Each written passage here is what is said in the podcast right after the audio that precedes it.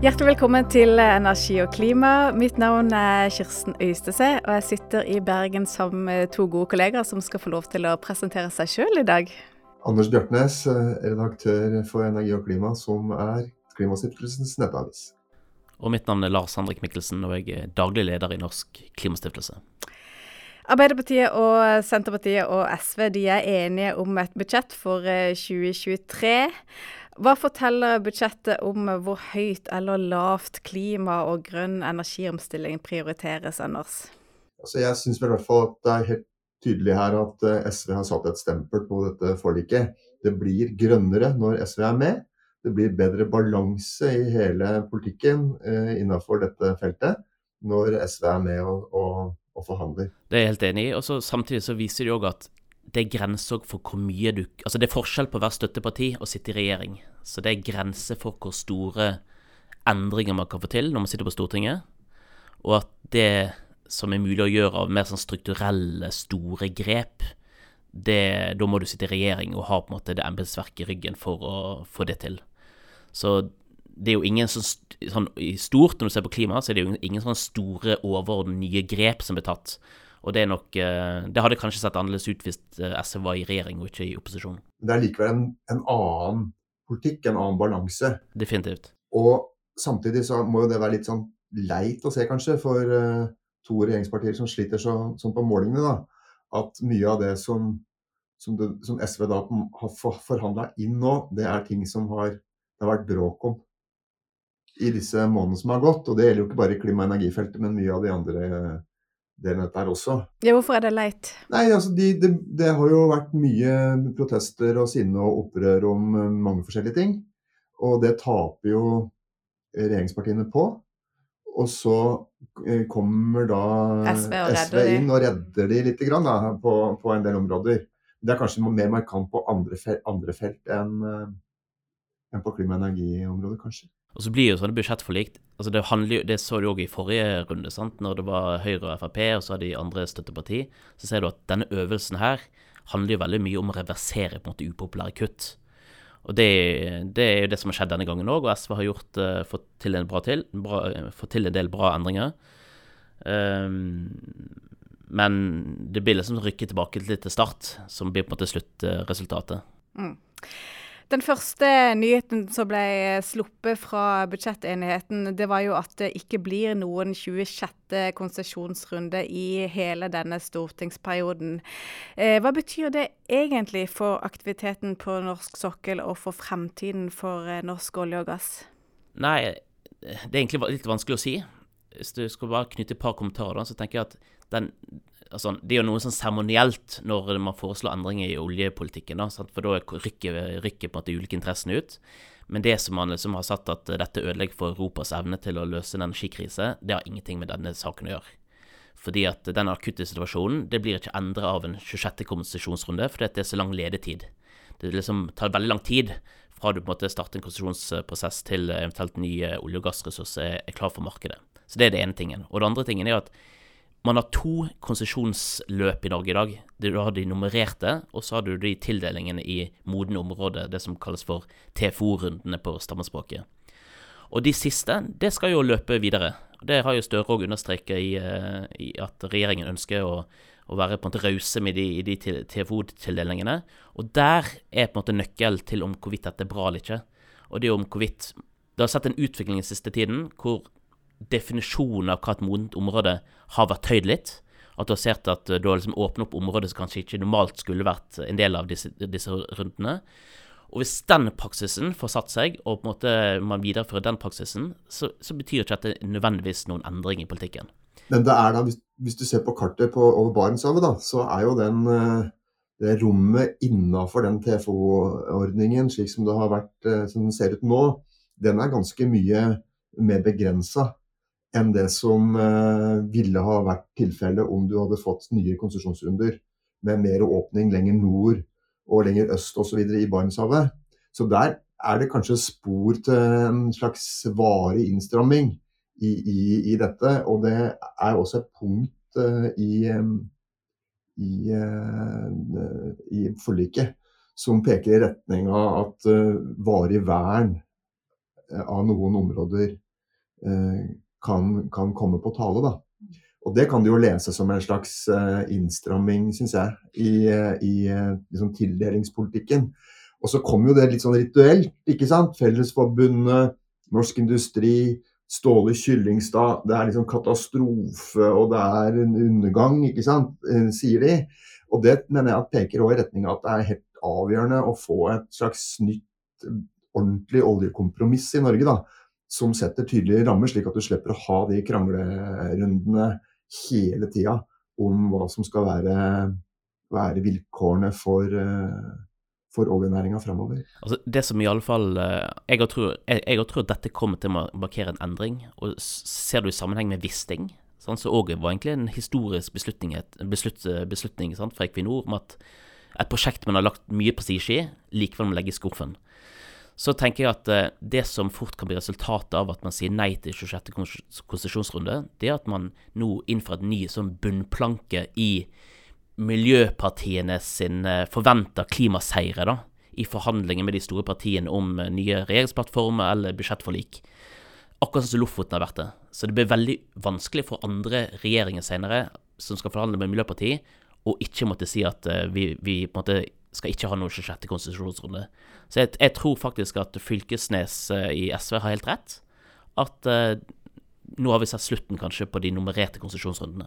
Så skal jo også forvaltningsplanene for Barentshavet opp til ny behandling i løpet av denne stortingsperioden. Og det kan vel også få litt å si for hvordan man setter de rammene for hvor grenser skal gå for oljeaktivitet? Helt klart. Og det peker jo i den retningen, den, de formuleringene som er brukt i, i forliket. Og så har SV fått igjennom at det er noen områder som skal holdes utenfor de, de neste TFO-rundene, som òg er viktig. Så så i en sånn oljekompromiss, Anders, som du, som du skisserer, så, så, burde man kanskje Jeg tenker liksom Arbeiderpartiet og på en måte de store partiene hadde kanskje tjent på å være litt ærlige om at det er nye tider, og at man må òg endre oljepolitikken. Det å liksom å holde fast på en forutsigbar petroleumspolitikk i skiftende tider, det er jo veldig merkelig. La oss se på budsjettet litt mer i helhet. Altså SV flytter på noen penger. Annet så har de tatt noen penger fra konkrete energieffektiviseringstiltak. Så har de gitt mer til Enova. Og så er Klimasats tilbake igjen på budsjettet, men med mindre enn halvparten av pengene som de har hatt tilgjengelig i år. Og så blir det litt mer eh, satsing på biodrivstoff, og så forsvinner grunnavgiften på mineralolje. Hvordan ser egentlig dette ut i sum? For klima- og energiomstillingen? Litt vanskelig å svare på. Eh, jeg syns f.eks. når det gjelder energieffektivisering er litt vanskelig å få tak i hva som egentlig er, er eh, utfallet av dette, den stortingsbehandlingen. For der, På den ene sida så kuttes da eh, noen penger til støtte til, til energieffektiviseringstiltak i kommuner og, og, og for studentboliger. Og, samtidig, og så økes samtidig Enovas budsjett. Og men hva, dette, hva, disse pengene skal gå til, det vet vi jo ikke. Det framkommer i hvert fall ikke så langt av det jeg har sett av, av, papirer. Og det er klart at det er veldig forskjell på om, om disse pengene går til eh, altså enøktiltak i gamlehjem og sykehjem og skoler rundt omkring i landet, eller om det havner hos, hos industrien via, via, Enova. Det har stor betydning for både hva som faktisk skjer på bakken, og hvem det er som får nyte godt av at det skjer. da. Dette, Norge skal jo kutte utslippene med nesten 50% eller mer enn 50% innen 2030. Vi har kutta 4,7% til nå. Lars Henrik, er dette et budsjett som gjør det lettere eller vanskeligere å nå de klimamålene? Altså Aller helst så burde man jo nå sittet med budsjett som liksom, du virkelig fikk inntrykk av at nå, nå gjør man noen solide jafs i utslippene. Eh, det, har vært noen tall som har sagt at dette kutter utslippene med et par hundre tusen tonn CO2. Jeg har ikke helt funnet ut hvordan, hvor de tallene kommer fra. Men jeg mistenker at det har litt med innblandingskrav for biodrivstoff. Og det er jo et eget tema i, i seg sjøl, som, som, vi sikkert kan eh, diskutere. Men jeg har vel sånn inntrykk av at det har vært andre på en måte, problemstillinger enn på en måte, hvordan skal vi gjøre store kutt til neste år, som har vært eh, som har prega forhandlingene. Det er jo også Senterpartiets stempel på avgiftspolitikken. da. At uh, de øker eller kutter i, av, i dieselavgiftene.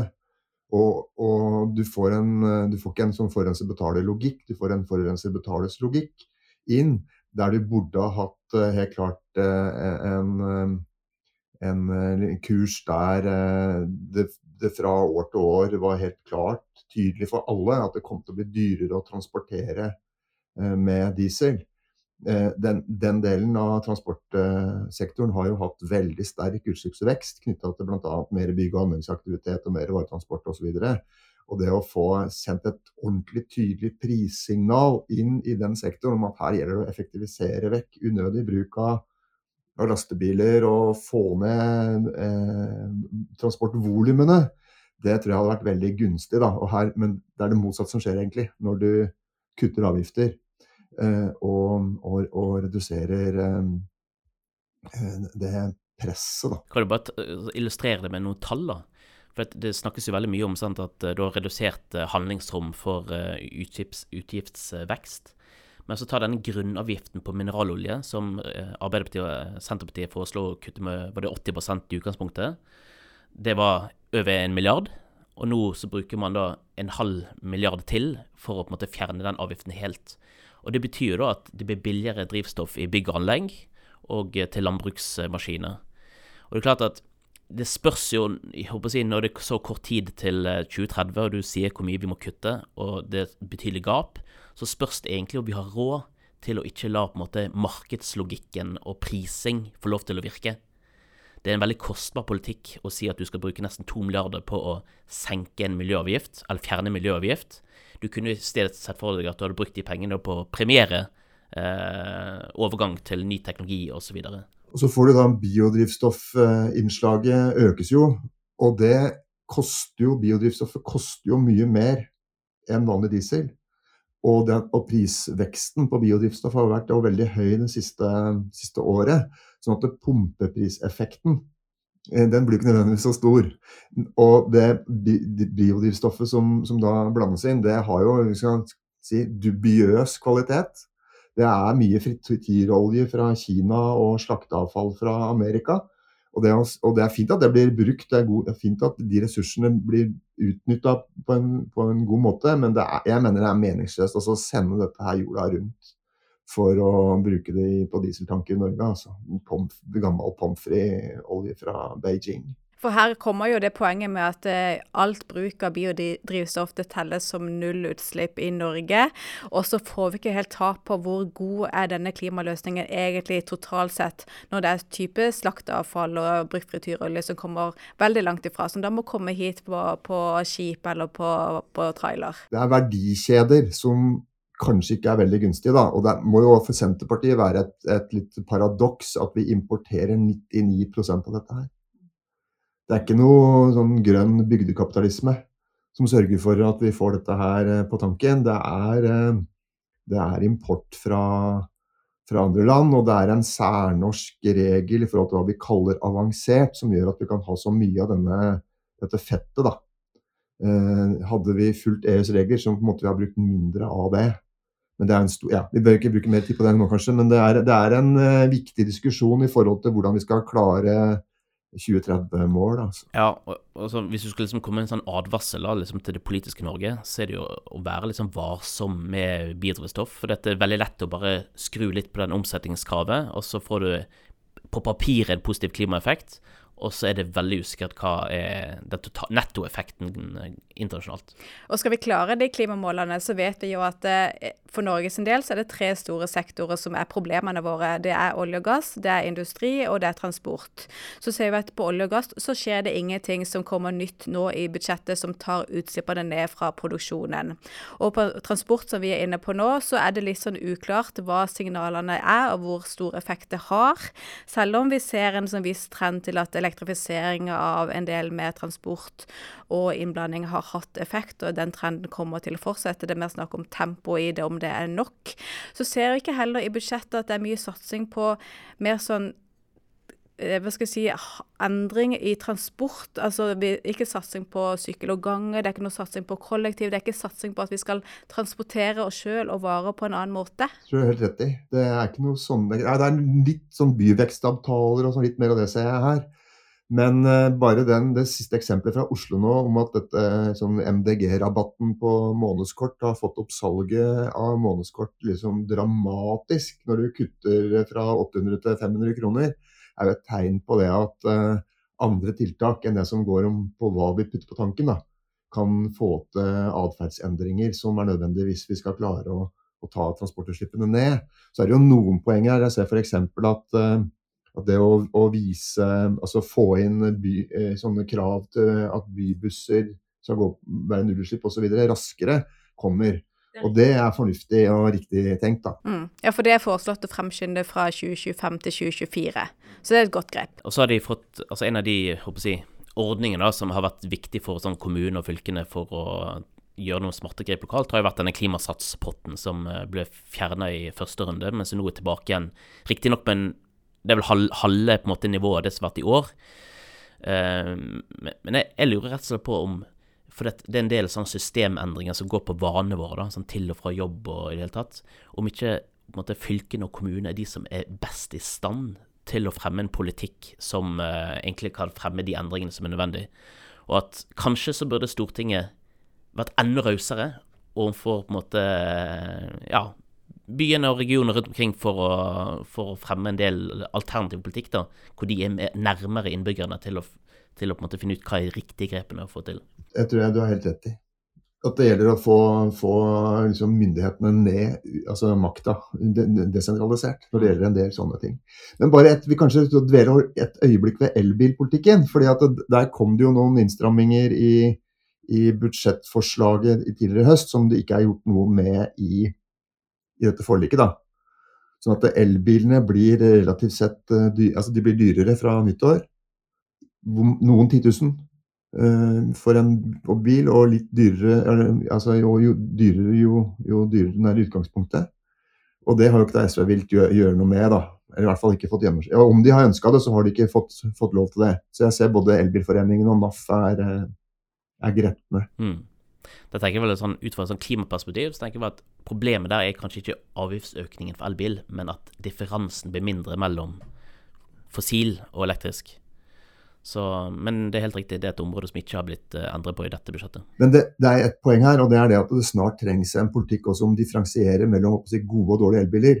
Det kom en rapport fra Miljødirektoratet her om dagen som viser liksom hvor mye strøm vi trenger for å, holde, for å gjøre transportsektoren uh, utslippsfri.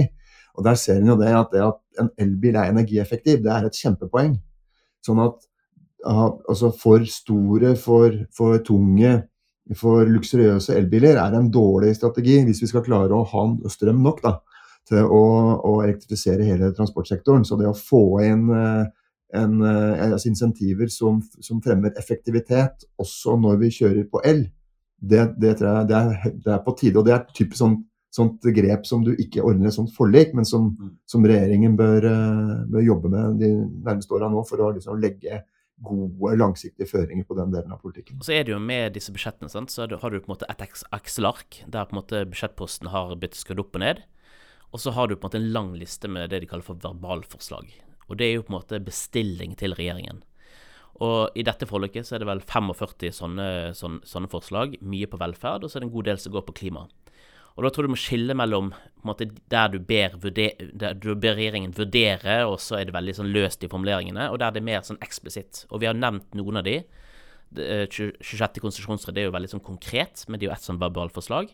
Men så har de òg en del andre forslag som, er, som kan potensielt bli viktig. Altså forbud mot, uh, mot å ødelegge myr, f.eks. Uh, men så skriver de òg at de skal vurdere eventuelle uh, unntak. Sant? Og da kan jo det fort bli et null Altså to steg fram og to steg tilbake.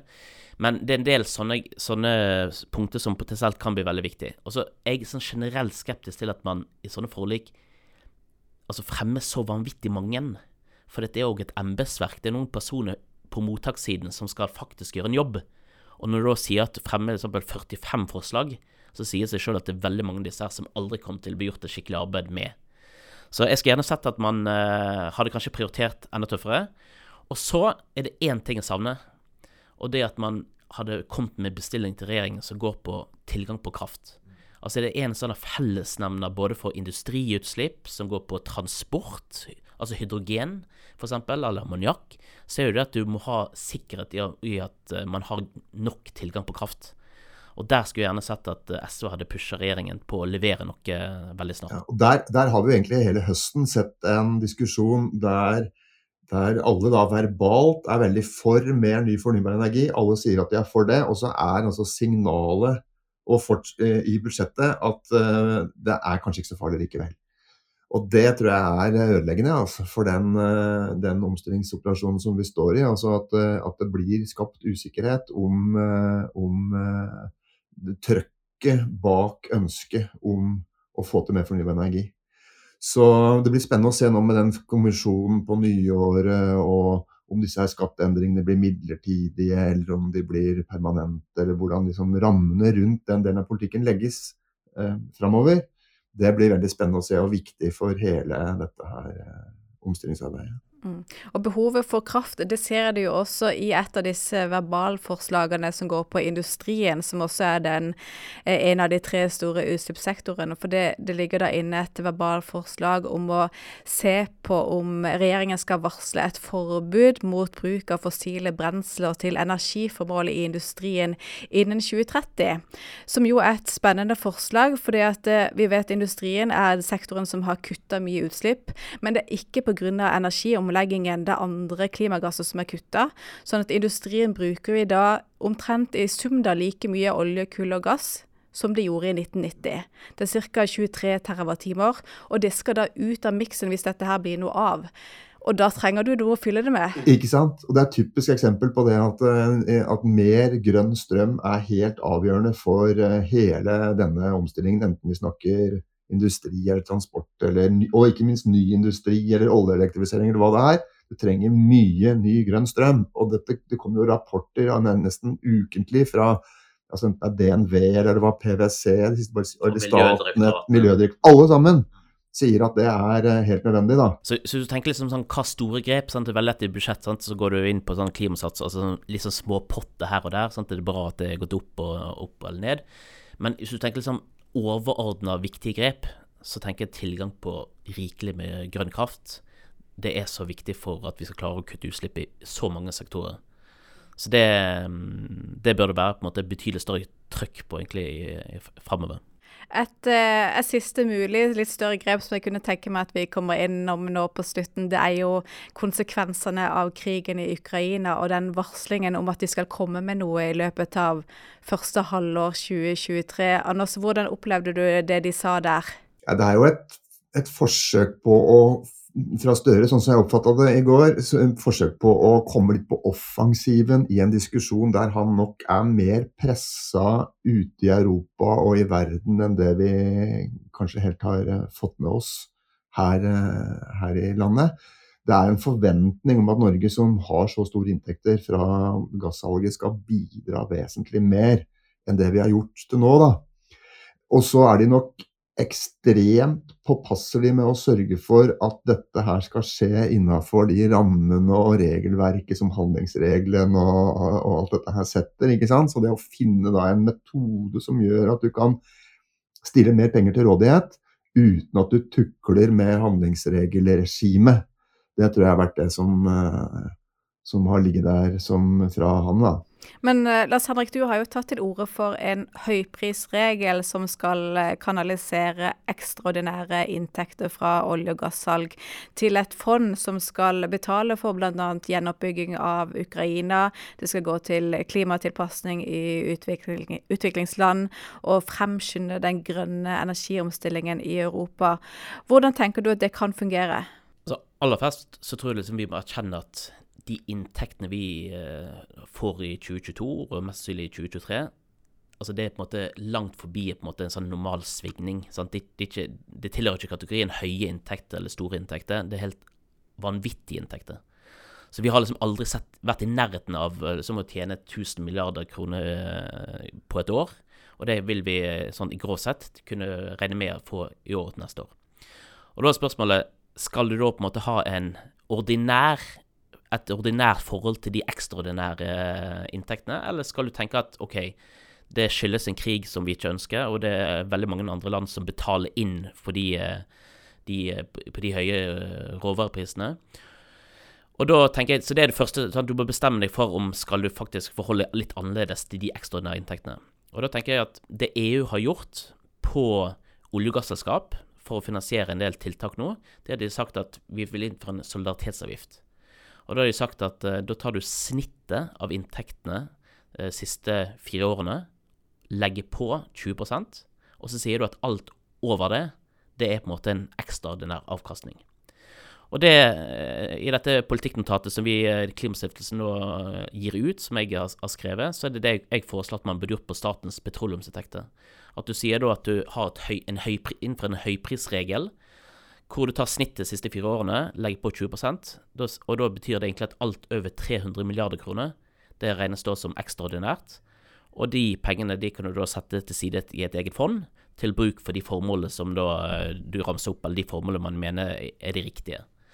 Men aller først så må du få en sånn erkjennelse om at det er faktisk riktig å, å ha et annet forhold til disse ekstraordinære inntektene enn det de inntektene vi har hatt til nå, som har gått opp og ned fra, fra år til år. For dette, det er en helt annen situasjon vi befinner oss i. Men jeg syns det er veldig bra at regjeringen har varsla det de gjør, og at de i tillegg skriver òg at de ønsker å få et bredt kompromiss.